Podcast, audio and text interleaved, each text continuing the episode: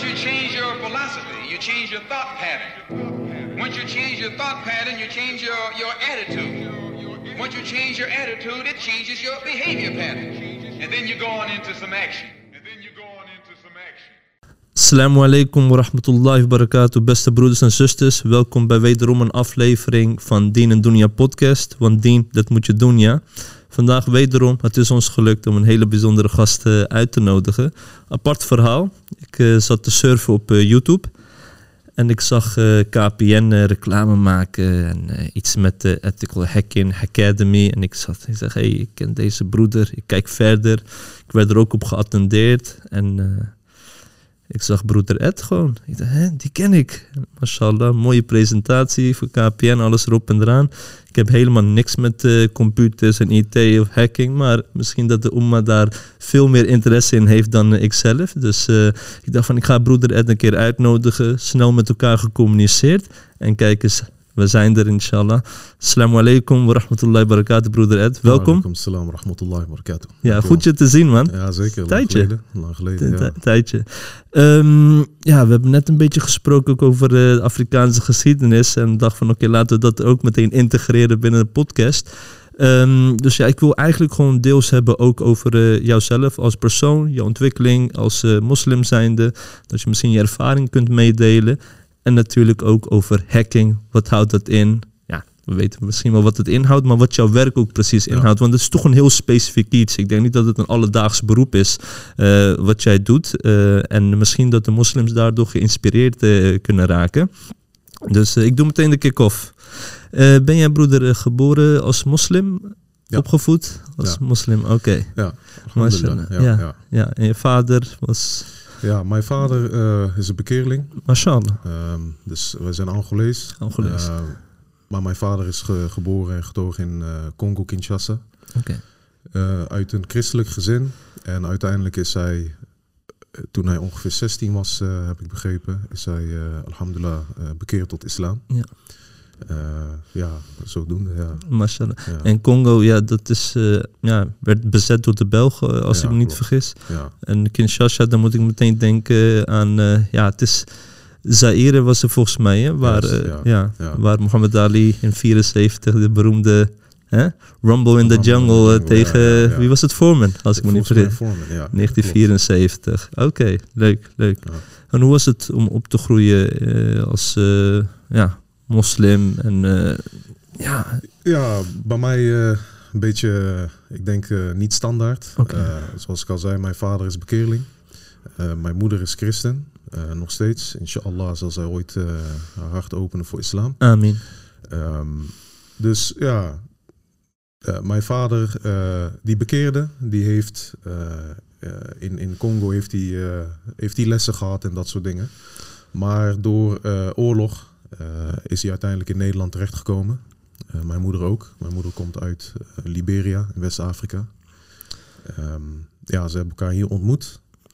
Dus ja, weet je, ehm, mijn moeder, christen, maar zij stond wel achter eh, een islamitische opvoeding en zij heeft ons ook eh, gestimuleerd en gemotiveerd eh, om, om dit te gaan doen. Dus ik denk dat zij wel eh, duidelijk de geiren ziet eh, in islam. Eh, ook omdat zij in haar familie eh, ook, eh, ja, verre familie misschien wel, maar ook moslims heeft. En in West-Afrika is islam, zeg maar, is bekend. Bekend.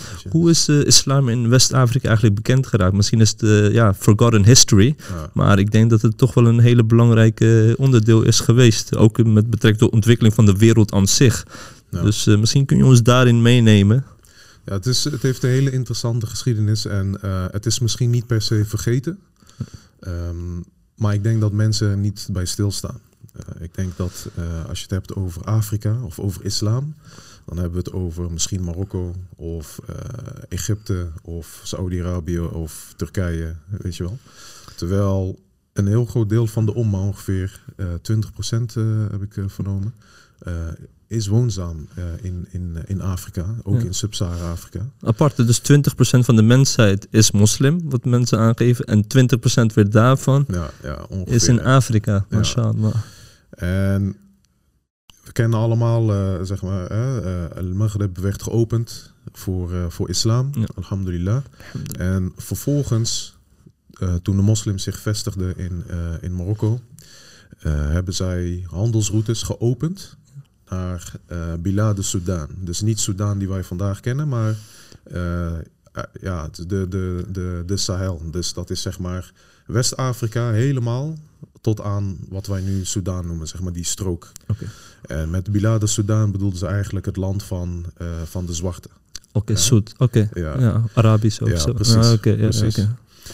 Dus omdat zij ervaring hadden, de Arabieren, met, met kamelen en dat soort zaken, waren zij in staat om effectief, efficiënt de Sahara over te steken. Om zo eh, handel te drijven met, eh, zeg maar met de West-Afrikaanse stadstaten die je toen had. Eh, dus ze hadden een aantal vestigingsplaatsen. Ehm, dus in het zuiden van Marokko, een beetje richting de Sahara, had je steden, handelsteden, waar zij samenkwamen om te handelen. Of ze gingen vanuit daar, was een soort eh, checkpoint of, Ja. een, of, een, of een plek om dan weer verder te gaan naar het zuiden. Om te handelen met, eh, eh, met, met bijvoorbeeld Gau. Gau is een van de eerste stadstaten die, waar islam een significante rol heeft gespeeld. Welke jaar spreken we nu een beetje We over? praten nu over een periode tussen, volgens mij, 800? iets later zou ik zeggen dat het echt op stoom kwam. Dus ik zou zeggen 9e eeuw zo ongeveer. 90, oké. eh, dat het echt eh, begon te lopen.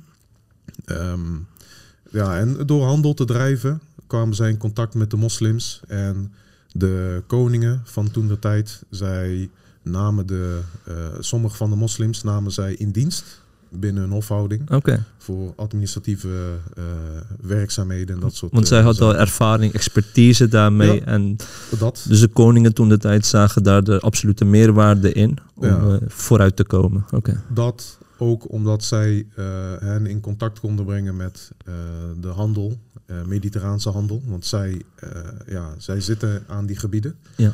Eh, zodat zij hun producten natuurlijk verder kunnen eh, verhandelen. Ja. Dus eh, zij kwamen daarmee, eh, daardoor in aanraking met islam. En op een gegeven moment begonnen de mensen van het hof eh, werden daardoor beïnvloed. Waardoor het op een gegeven moment zo werd dat als jij koning wilde zijn, dan moest je moslim zijn. oké. Ehm, en zij hadden contact met, met de Morabitoon. Ja. Op een gegeven moment dan praten we, iets, praten we over zeg maar een beetje begin van de opkomst van Ghana. Eh, weet je, en, zij, zij, zij communiceerden samen, zij steunden elkaar. En er was een soort movement gekomen, steeds meer om in plaats van die nominale islam, Ja. dus zeg maar ik ben moslim, maar ik, ik doe niet moslim, zeg maar, Hm. om dat echt ook te gaan implementeren. En zo is eh, islam door handel Door handel. Eh, echt verspreid. In, in, in West-Afrika eh, voornamelijk, maar je hebt ook aan de andere kant in Soudaan en de Swahili-kust Ja. eh, is het ook verspreid. Dus zo doen, ja. Dus het is niet echt met een zwaard verspreid, zoals mensen heel graag willen laten geloven dat heel de, ja, heel de imperium van eh, empire van islam eigenlijk met het zwaard is verspreid. Nee, in, in Afrika sowieso niet. Ja. Ehm, het is wel zo dat, wat ik al zei toen, toen zij de oproep deden Ja. om weer terug te gaan naar een zuivere islam, waarbij er niet gemengd wordt met, met Koffer, koffer, die ja. zij hadden, weet je wel. Ehm, zijn ze op een gegeven moment eh, jihad gaan doen tegen koningen die hier weerstand eh tegenboden of eh, koningen die niet islamitisch waren en de moslims probeerden te dwarsbomen. Ja. Dus je hebt een aantal mensen, eh Askia Mohammed, eh Osman Dan Fodio, die bekend stonden als eh Mujaddid en eh, daardoor islam echt eh, hebben gevestigd. Ja. Waardoor het behouden is gebleven, alhamdulillah. Ja. Zo zie je maar de kracht van als je stil blijft, dan kunnen mensen gewoon hun eigen routine Klopt. blijven, waardoor de dien vervaagd raakt. Als mensen zien dat er bepaalde problemen zijn, dat ze daar wel op inhaken of inspelen om de dien te kunnen behouden. Ja. En ik denk dat het overal in de wereld zo is eigenlijk. Als je als moslim eh, niet meer kritisch bent, Ja. ja, dan kan er een verval komen. Ik, ik denk misschien aanvulling nog daarop. Ehm, toen zij, eh, de moslims, toen zij beïnvloed waren door islam en de koningen een zoon stuurden om islam te gaan leren, want je leert naast lezen en schrijven en dat soort zaken, eh, leer je ook sharia. Eh, werden zij echt overtuigd moslim. Allahu Akbar. Ja. Weet je wel? En omdat zij overtuigd waren van islam. Ja. En, eh, en er zijn gevallen bekend van eh, zoons die, die nou, ze waren dan klaar om het over te nemen. Maar zij weigerden. Omdat er werd van jou verwacht dat jij ook deel moet nemen aan koffer eh, rituelen of dat soort zaken. Of die, die, die praktijken die ze deden. En zij weigerden. Dus zij konden het onderscheid maken tussen goed Ja. en fout. Ja, maar ook uit diezelfde mentaliteit zijn dus mensen opgestaan die hebben gezegd van dit kan niet. En wij gaan eh, sharia implementeren zoals het hoort, zoals ik heb geleerd van Sheikh. Ja. Eh, en die hebben dit eh, behouden. Wauw. Wel? Ja. Dus eh, ja, zo zie je maar dat ehm, jouw afkomst of jouw etniciteit eh, is niet relevant in Nee, deze totaal kwestie. niet. Nee. En dat is de akida van islam. Weet je? En dat zien we hier ook weer eh, in terug. Ja. En dat is wel echt mooi. Dat is Ja. wel echt eh, heel erg bijzonder. Ehm, hoe raak je eigenlijk geïnteresseerd in de geschiedenis waar je zelf vandaan komt? Is dat iets, hou je van lezen? Of ben je iemand die juist ja, alleen maar video's checkt en dan weet ik het allemaal wel? Nee, ik, ik lees heel graag. Ja, Ehm, maar ik denk ook, zeg maar, die nieuwsgierigheid, die komt. ehm, ik denk dat we dat allemaal hebben. Mensen die hier zijn geboren of opgegroeid. Dat je op zoek gaat naar jouw identiteit. ja. in algemene zin is dat bij iedereen het geval. Klopt. Ja, ja, maar ik denk dat dat versterkt wordt als jij hier opgroeit. En je bent anders dan, dan eh, de rest, weet je wel. Ehm, en je bent moslim. En jouw vader is bekeerd. Dus dan wil je weten, en bijvoorbeeld, en ook mijn moeder ze is christen, maar bepaalde familieleden zijn Moslim. moslim. Hoe zit dat eigenlijk? Hoe, hoe, hoe, kom je tot, eh, tot, tot dit, zeg maar? Ja, Dus ja. Waardoor je, eh, ik in ieder geval, eh, getriggerd raakt om, om beter te begrijpen eh, waar ik vandaan kom. Of wie ik moet zijn. Ja, Of wie precies. ik moet zijn, inderdaad, Ja, weet ja. je wel. En dat, dat, dat, dat drijft mij ertoe om gewoon veel te lezen. Maar ook als het gaat om geschiedenis van islam in Afrika. Ook gezien racisme discussie die wij vandaag de dag hebben. Ook binnen de Omma helaas. Helaas, ja. Ehm, weet je, waardoor je toch gedreven wordt om eens te gaan kijken, oké, weet je, wat, Ja. wat hebben zeg maar sub-Sahara Afrikanen gedaan Ja. als het gaat om islam en de islamitische cultuur? Ja. Ja, dat is wel mooi. Ja. Eh, het is natuurlijk eh, helaas ook een realiteit binnen onze gemeenschap. Misschien is het een sensitive subject, hebben we het niet over gehad. Maar bijvoorbeeld Bilal radiallahu is een van de eerste, eh, ja, wordt gezien, eh, zwarte slaaf, eh, bekeerling, die eigenlijk ja, is geconfronteerd met racisme. Ook door de mede-Sahaba. Ehm, ja, het is, het is pijnlijk, maar het is niet weggevaagd, denk ik. Hè? Nee, en ik denk dat dat te maken heeft met ja, hoe wij hier opgroeien. Ja. Eh, je krijgt bepaalde dingen mee als Ja. het gaat om eh, omgang met, met ras, met eh, cultuur en dat soort zaken. En ik Ja. denk dat wij als moslims dusdanig daardoor worden beïnvloed hier in het Westen. Ehm, dat wij op, dat, op dit soort onderwerpen Ja. ja, dingen nemen van, van wat wij hier zien, in plaats van dat wij teruggrijpen naar wat zegt islam hierover. Ja, je? ja, en, ja, en dat dat het issue is, ja. ja. Dus je hebt het dubbel moeilijk, denk ik dan. Je bent moslim en je, bent, eh, je hebt een donkere huidskleur. Ja, weet je, ik, het, ehm, eh, het, het kan heel confronterend zijn. Ja, kun je misschien een specifiek voorbeeld eh, geven waarvan je denkt van ja, dit is wat ik bijvoorbeeld heb meegemaakt en dit is wat eigenlijk hoe de Oema naar zo'n situatie hoort te kijken. Kijk, ik denk misschien een bruggetje ook naar mijn werk. Ja. Ehm, ja, nou ja, ik, eh, ik werk in IT als, als, als ethical hacker of pentester, zoals we dat noemen. Ehm, het is best wel een, eh, een, een, een eh, werkomgeving waar je te maken hebt met het is weinig diversiteit, laat ik het zo zeggen. Tenminste, wat ik heb gezien. Wat je hebt gezien, ja. En ook iemand met mijn naam. een, met mijn naam. En ook zeg maar, als je mij over de telefoon zou horen, dan zou je misschien niet dit verwachten. Ja. Als je dan ergens aankomt, weet je, dan is het een soort van dubbele eh, shock. ja je ziet het aan de lichaamstaal. eh kun je al afleiden. Ja, oh, ja, ja, wallah, ja, ja, echt. Eh, want ik kom dan ik dacht dat je Ed heette. Precies, precies, weet je wel. Ja, het is, spannend. dat komt er nog net niet uit, weet je. nee, oké. Ehm, maar dan is het ook nog zo, als we dan verder eh, zeg maar na die sollicitatiegesprekken, want ik geef altijd aan, dat is ook iets wat ik heb geleerd om, om te doen, van luister, ik ben moslim, ik bid vijf keer per dag, vrijdag ga ik naar de moskee. Ik wil dat gezegd hebben om teleurstelling aan beide kanten te voorkomen. Ja. Weet je? Ehm, maar je ziet ze, terwijl als je dat zegt, dan zie je de, de vraagtekens in hun ogen van hoe kan dat? Want eh, als ik jou hoor, of toen ik jou sprak over de telefoon, was ik niet voorbereid op dit. En jij bent ook nog eens moslim. Weet je wel? Dus dan denken mensen van, hoe zit Hoe dat? gaan we dat eh, mengen met elkaar? Hoe Ja, we dit rijmen met elkaar? Ben je niet dan- die barbaar, die terrorist? je bent te vriendelijk voor wat ik weet. Ja, ja. Weet je, ik, ik heb echt ook ehm, op, op de werkvloer, als je dan met mensen eh, omgaat, dat ze echt zoiets hebben van, eh, ah, je bent best relaxed eigenlijk, weet je. Waarom moeten ja, we ons maar- zo erg eh, gaan, eh, hoe zal ik het zeggen, eh, ons best doen om geaccepteerd te mo- eh, moeten worden? Helaas is dat zo. Ja, ja. Ja, kijk, weet je, ehm, we moeten ons best doen, maar niet voor de acceptatie per se, Ja. maar om jezelf te profileren. Ja. Weet je, mijn vader, van jongs af aan, Ja. heeft mij altijd gezegd van luister, ehm, jij bent donker, Ja. je bent moslim. Het is nou eenmaal zo dat als je opgroeit hier, jij legt 20 in en eh, een ander legt 10 in en het is, eh, het is Ja. misschien minder zelfs. Ja. Weet je wel? Ja. En, en mijn vader zei van, eh, weet je, je moet je schouders eronder onder zetten. Want dit is gewoon zo. Je moet je echt invechten. Snap je? Ja. Ja. ja, invechten, maar zeg maar zonder, op een eervolle manier. Ja, ja, ja, Weet ja. je? ja precies. You stand for what you stand. Precies. Take it or leave it. Zo niet, bismillah, ik ga verder. Precies, weet je. Maar mijn vader zei altijd, je moet gewoon zorgen dat jij eh, dusdanig voorbereid bent dat jij niet gepakt kan worden op, eh, weet je. Dus hij zei bijvoorbeeld, zorg dat je jouw diploma hebt. Hm. Zorg dat jouw eh, kennis, dat die gewoon, dat je die paraat hebt. Weet je wel. Zorg gewoon voor dat wat jij doet, jij streeft ernaar om dat te doen. Jij wil de beste zijn Ja. erin, weet je wel.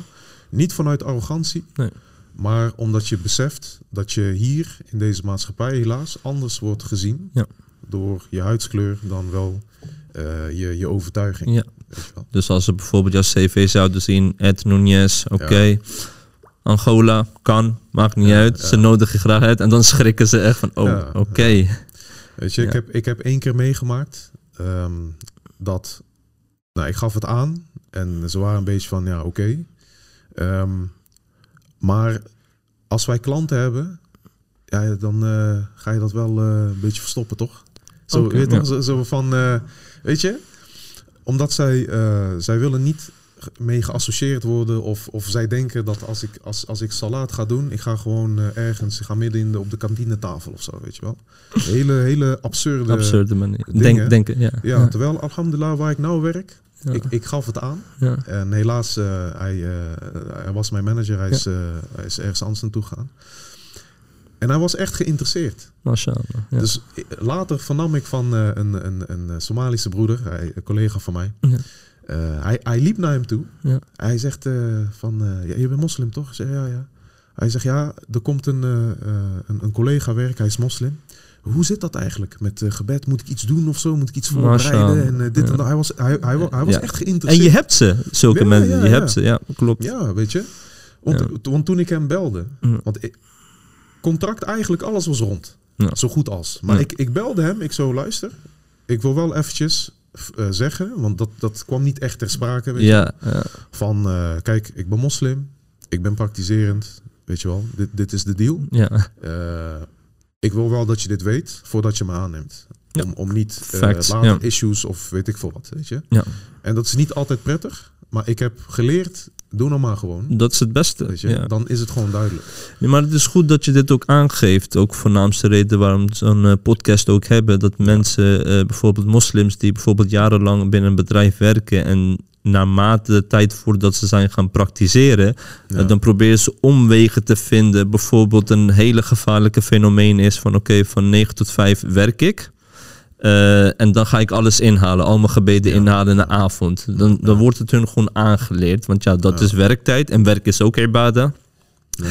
En we gaan eh, dan eh, gebeden inhalen. En de stap die ze moeten maken, bijvoorbeeld, stel je voor dat ze weer van dat ze gewoon overtuigd raken van nee, eigenlijk dat de hele accumuleren van de gebeden en een avond doen, dat kennen wij moslims eigenlijk niet. En dan is het van oké, hoe ga ik dit nu passend maken? En echt waar, wat jij nu ook zegt, ik denk dat het heel belangrijk is ook voor de kijkers. Stap gewoon op eh, HR af of op je manager af. Er is niks aan de hand. Geloof me, eh, ik heb ook zoiets meegemaakt waarbij ik dacht van oké, de volgende werkgever die ik dan heb, ik ga gewoon straight met hem zijn. Ik had hetzelfde situatie ook eh, net zoals jou, waarin ik gewoon niet de mogelijkheid had om het aan te geven, terwijl ik gewoon eh, bewust was om het aan te geven. Dus alles was eigenlijk in kannen en kruiken. En eh, toen belde ik eh, HR op. Nee, ik stuurde een mail. Ik durfde niet eens te bellen. Met mijn confidence durfde ik niet eens te bellen. Dus ik stuur een e-mail van... eh, Hi, eh, this is a situation. I'm a Muslim and uh, I pray five times a day. But don't worry, I just have to pray two times uh, during uh, office hours. And I just need five minutes. Oké. Zij belt mij. En ik had die baan nodig, bro. Zij belt mij. En zij zegt van... ja, maar is het niet eh, lastig dat je van Rotterdam telkens weer naar Den Haag moet gaan en weer terugkomen? Nee, nee, nee, nee. Ik kan gewoon als je me gewoon een, een plek geeft eh, in, op kantoor, ergens, ik bid gewoon vijf minutes. Zegt ze, oké, is goed, geen probleem. Oké, ik zeg tegen moeder, ja, ik heb het. Ik ga volgende week gewoon beginnen. Belt ze me weer, broer, ik stresste me. Ik denk van, wat nu weer? Ze zegt van, ja, we hebben wel een bepaalde code qua kledij, kledingvoorschriften. En van, is dat, ik kom als Europeaan, geen probleem. ik kom niet met een jalebba, maar eh, ik kom gewoon. Maar die manager van mij, eh, hij was ook later weggegaan, die had daarvoor al met moslims gewerkt. En hij is een atheïst, nog steeds. Maar hij vond het zo mooi van de moslims dat ze heel principieel waren.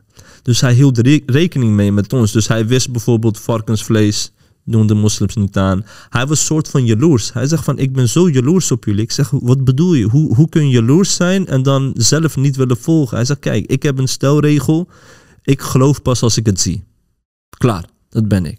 En ik heb zoiets van ik bepaal zelf wanneer ik dood ga. Zo zeggen sommige atheïsten ook. Ga je. Ga je? Oké. Ik zeg maar, hoe zit het met als je op snelweg bent en komt ongeluk? En ze nee, ik ontwijk die ongeluk. Is oké, is goed. Maar hij zegt wel tegen mij, hij zegt van, kijk, jullie hebben nog een afterlife. Ik weet niet wat de nut van het leven is hier. Ja. Kijk hoe open en eerlijk hij is, tot welke level hij gaat. Hij is zo jaloers omdat wij weten van eh, er is hier een afterlife. Wij worden eh, op afgerekend. Dus we hebben iets om naar uit te kijken. Psychologisch, de- dan is het gewoon een groot verschil met iemand die denkt van ja, ik leef gewoon hier en dit is mijn eh, einde. Maar je hebt zeker weten managers en mensen tussen zitten.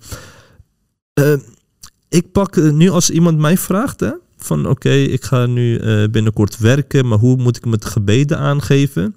Ik heb nu een andere approach. Ik weet niet of je daar ook mee eens bent. Eh, ik gooi het gewoon even erin.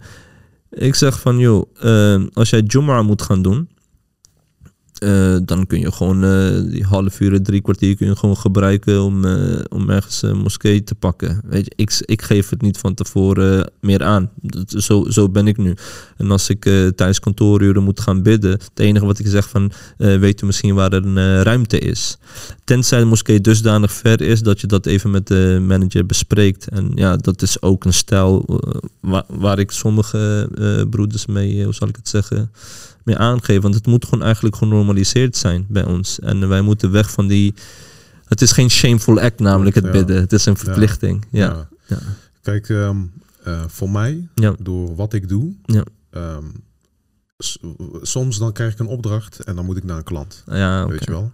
Eh, dus ik wil van tevoren duidelijk hebben, ik kan mij best inplannen bij die, bij die klant. Maar... Maar vrijdag, dat- tussen dan en dan, moet ik naar een moskee.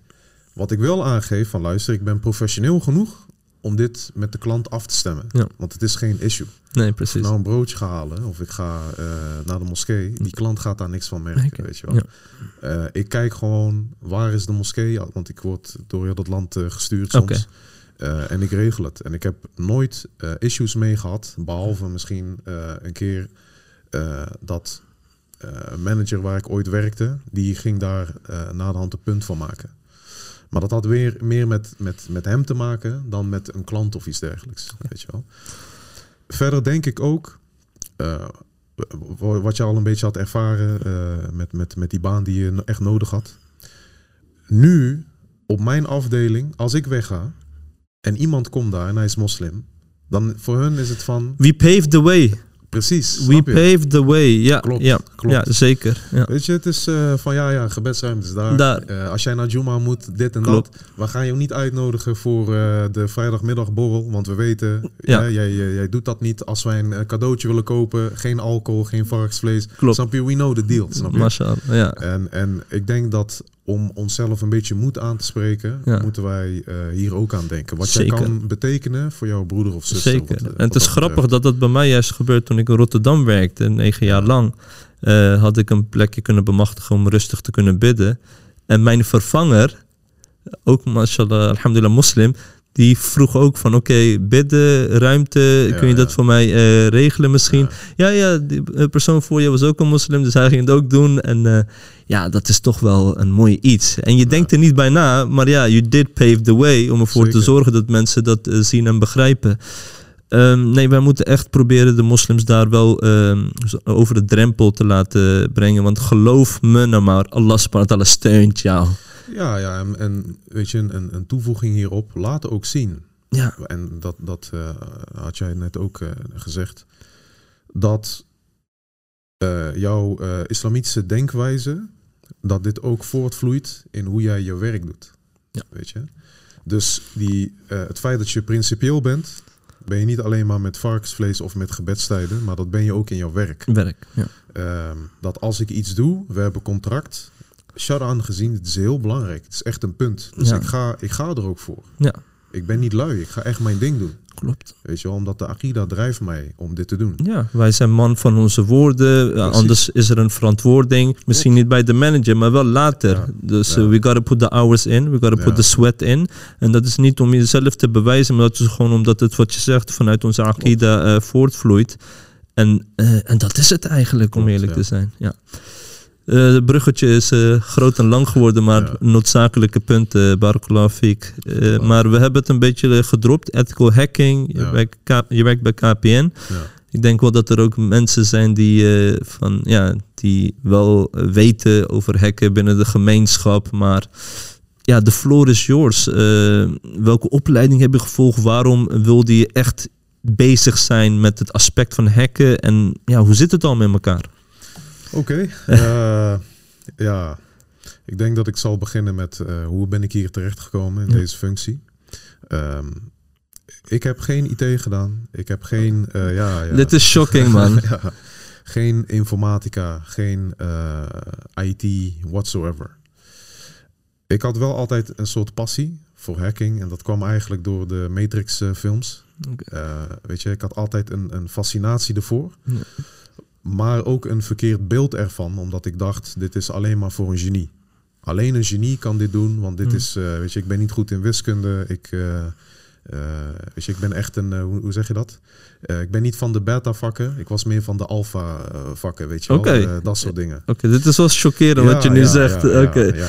Matrix trouwens met Lawrence Fishburne en Keanu Precies, Reeves. precies. Ik heb niet gezien omdat ik niet van die irreële films had. Ik Ja. liever van die gangsterfilms. weet je, kogels erop en eraan. En niet die kogels dat die zo langs om je heen gaat dat Keanu Reeves zo doet. Toen ik dat Nee, zag, nee, die zijn, nee. dacht nee, maar moet ik het zien? je moet het zien, man. Ja, Ja? Je moet het echt zien.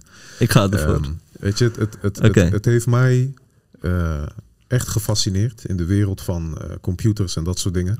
Maar ik, ik, ik, deed, ik was niet veel bezig met computers anders dan gewoon een beetje gamen en eh, ja, gewoon, gewoon de dingen die, weet je, die, die Elke mensen, doen, ja, precies. Ja. Meer omdat ik dacht, ja, dit kan ik niet. Ik wil het wel, maar ik kan het niet. Nou, vervolgens uh, ik ging studeren en ik heb integrale veiligheidskunde heb ik gedaan. HBO, hè? Ja, ja, En integrale veiligheidskunde is een uh, studie uh, waarbij je uh, leert om als, als veiligheidskundige op te treden in verschillende vakgebieden. Okay. Uh, safety, security. De safety zit meer aan de, de, de ongevallenkant. Ja. Risico's analyseren. Hoe, hoe kunnen we dat voorkomen? Hoe kunnen wij veilige werkplek uh, realiseren? En security is dan uh, meer de fysieke kant daarvan. Okay. Maar wij hadden tijdens de studie hadden wij een module Information Security. Ehm, en daar kreeg ik zeg maar een, een iets realistischer beeld, realistischer beeld van wat is het nou precies. En ik denk de eerste dingen die mij triggerden was, ehm, cybersecurity heeft meerdere domeinen. Oké.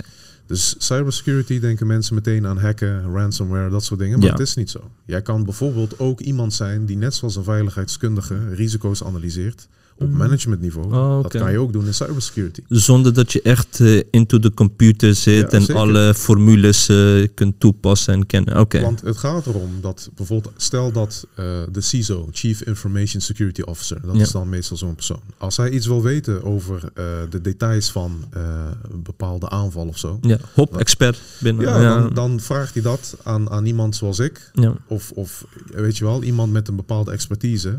Hij stelt hem de juiste vragen. Eh, en vervolgens hij gaat zijn initiaat doen. Weet je? Van, eh, snap je? Hoe, Ik ga eerst even de realiteit zien. Oké, dit. Oké, relevante teksten. En Klopt. dan, ja, ja. Klopt. Snap je? Dus jij hoeft niet alles, en dat gaat ook niet als, als Nee. Je, je kan niet alle details weten. Bijna net zoals een gelief. Mensen maken Ja, ja, ja. eigenlijk een geliefde. Mensen maken bij een profiel.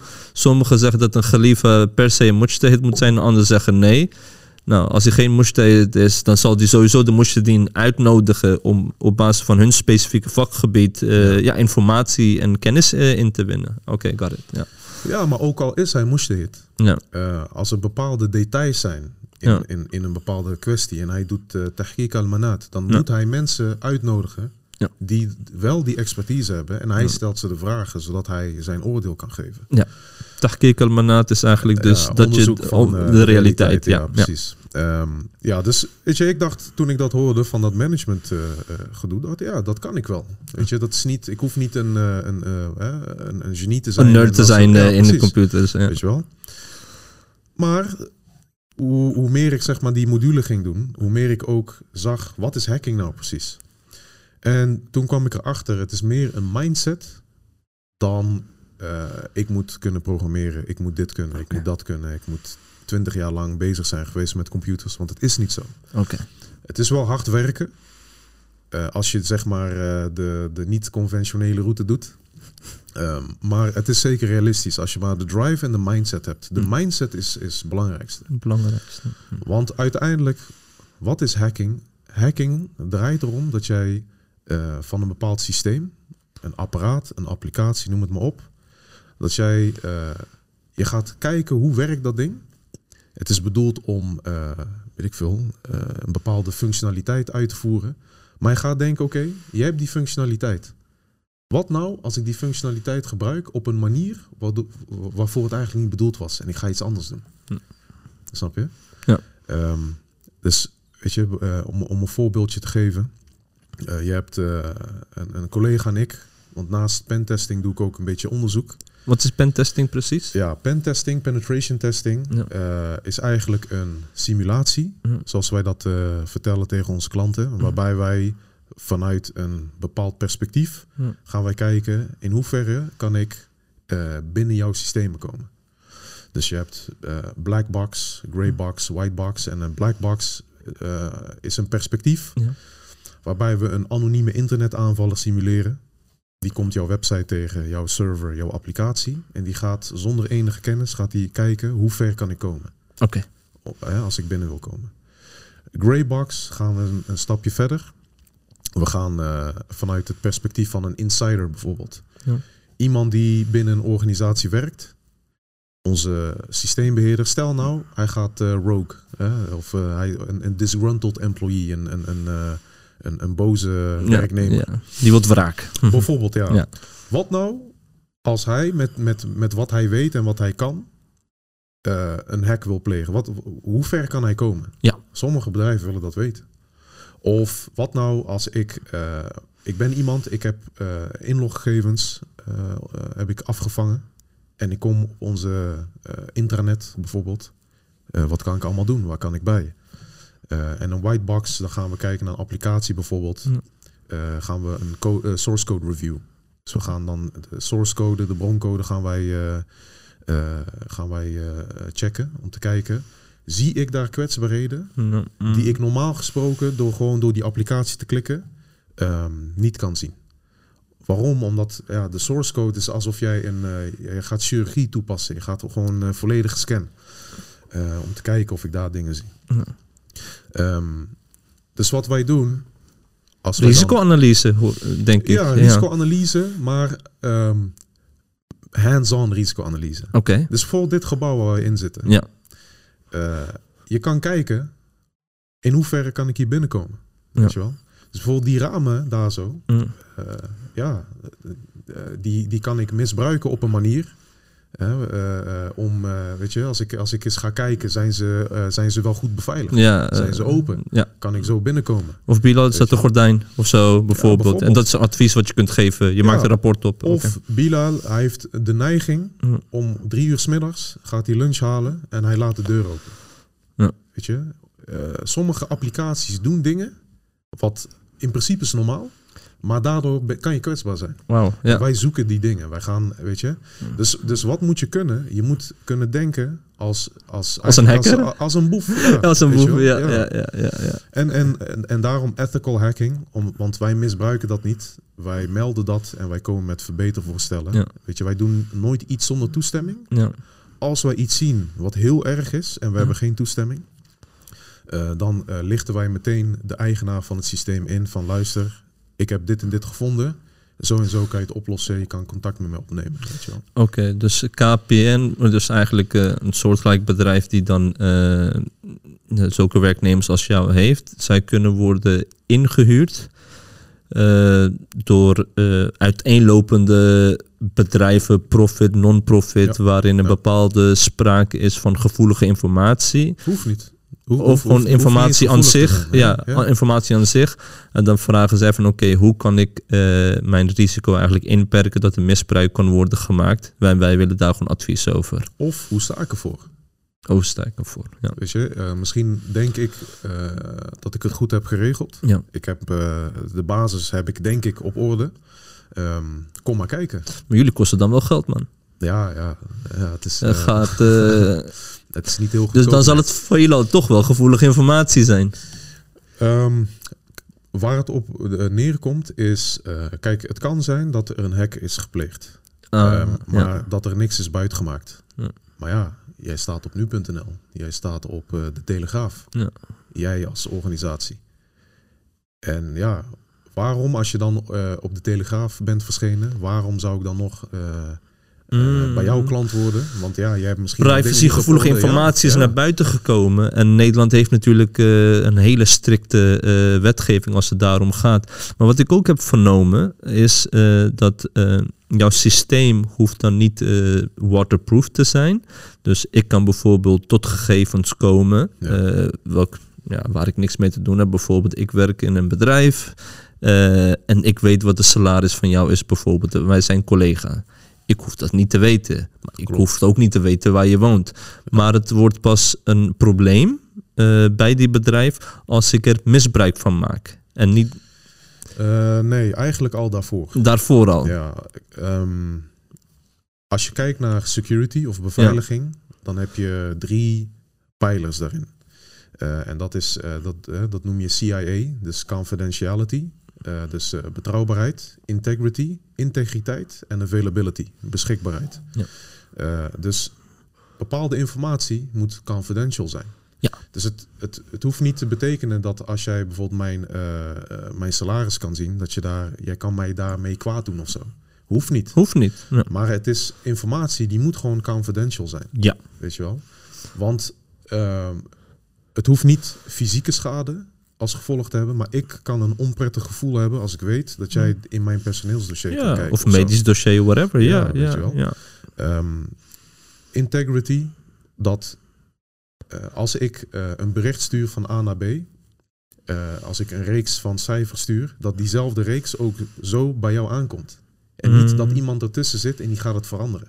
Ah, ja, Dit kan grote gevolgen hebben. Ja, zeker. Weet je wel? En availability. Dat als ik naar een ABN AMRO ga, of ik wil ideal betalingen kunnen doen, dan moeten bepaalde servers, systemen, websites moeten beschikbaar zijn. Hm. Eh, als die niet beschikbaar zijn, dan kan ik niks. Eh, en dat is ook een security eh, issue. Ja. Weet je wel? Dus ik denk dat het het makkelijkst is om vanuit die drie aspecten Ja. te kijken. Ja, dat is mooi. Ja. Ehm, dus we kunnen zeggen dat je hierin gewoon een consultant eh, bent. Ja, eh Of is dat een- niet van dat woord. Woord, sorry. Oké, ja.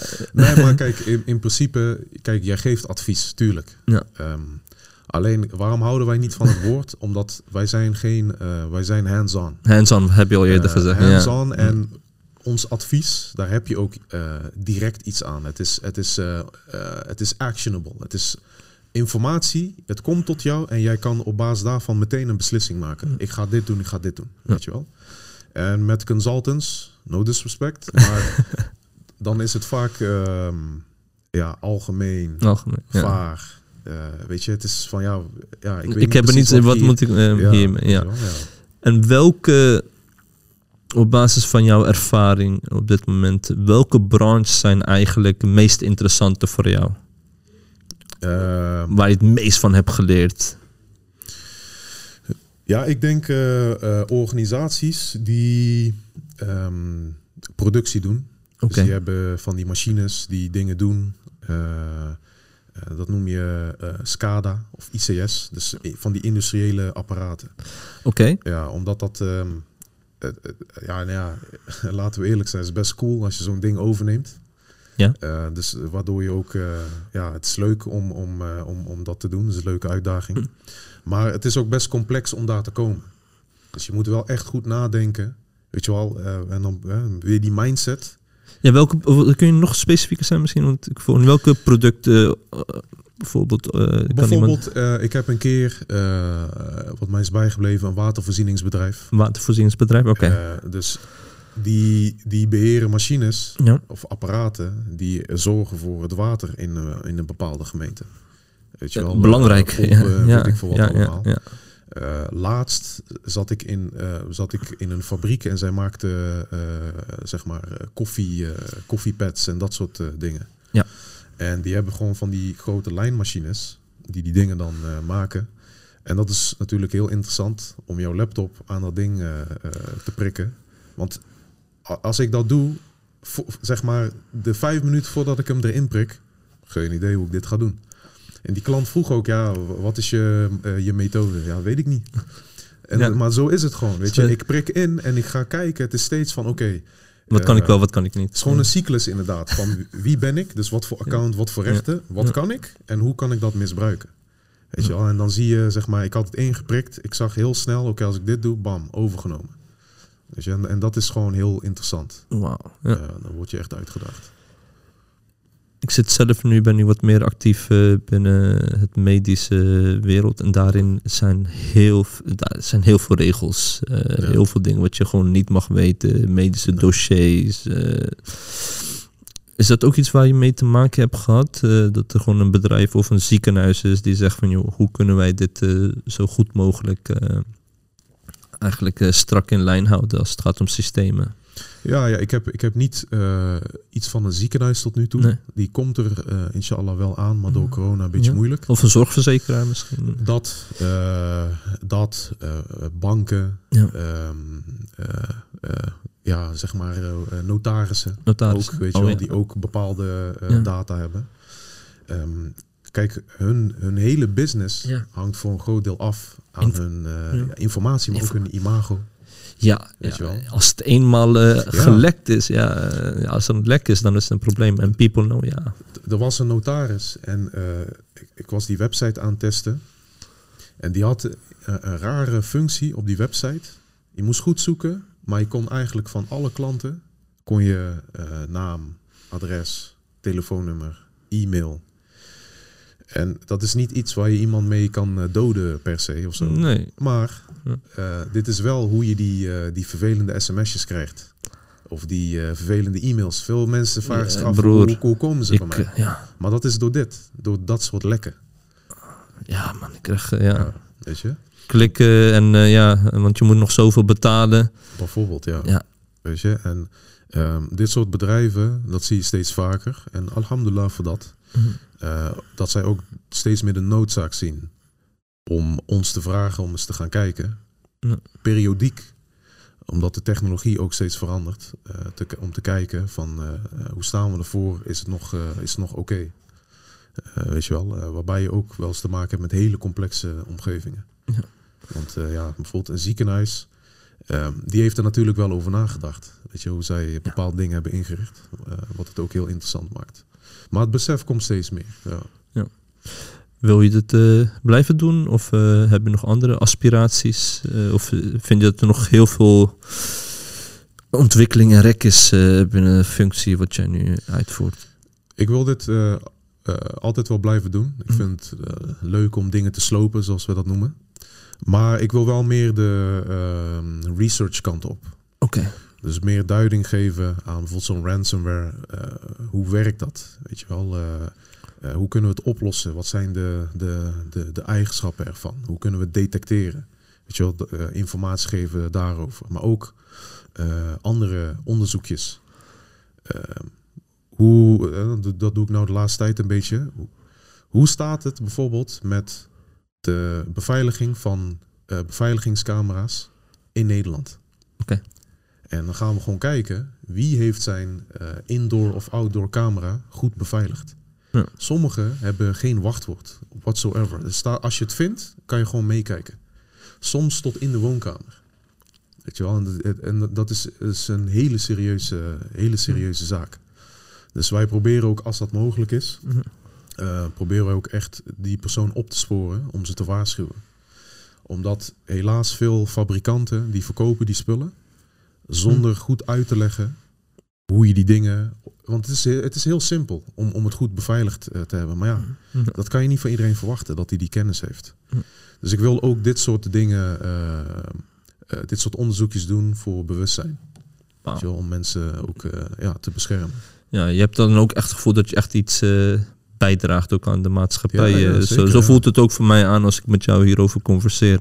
Kan ik dan ook zeggen dat geen, eh, geen dag hetzelfde is? Nou, Voor jou? is, ja, iedere dag is anders. Eh, dat, dat, dat, want dat iemand ja, met mijn, mijn, met mijn manier van denken, ik heb dat ook echt nodig. Nodig, ja, Ja, om getriggerd te blijven. ja, ja, en. Oké, dus dit, alhamdulillah dat ik de kans heb gekregen om, om dit te doen, om me Mm. hierin te ontwikkelen.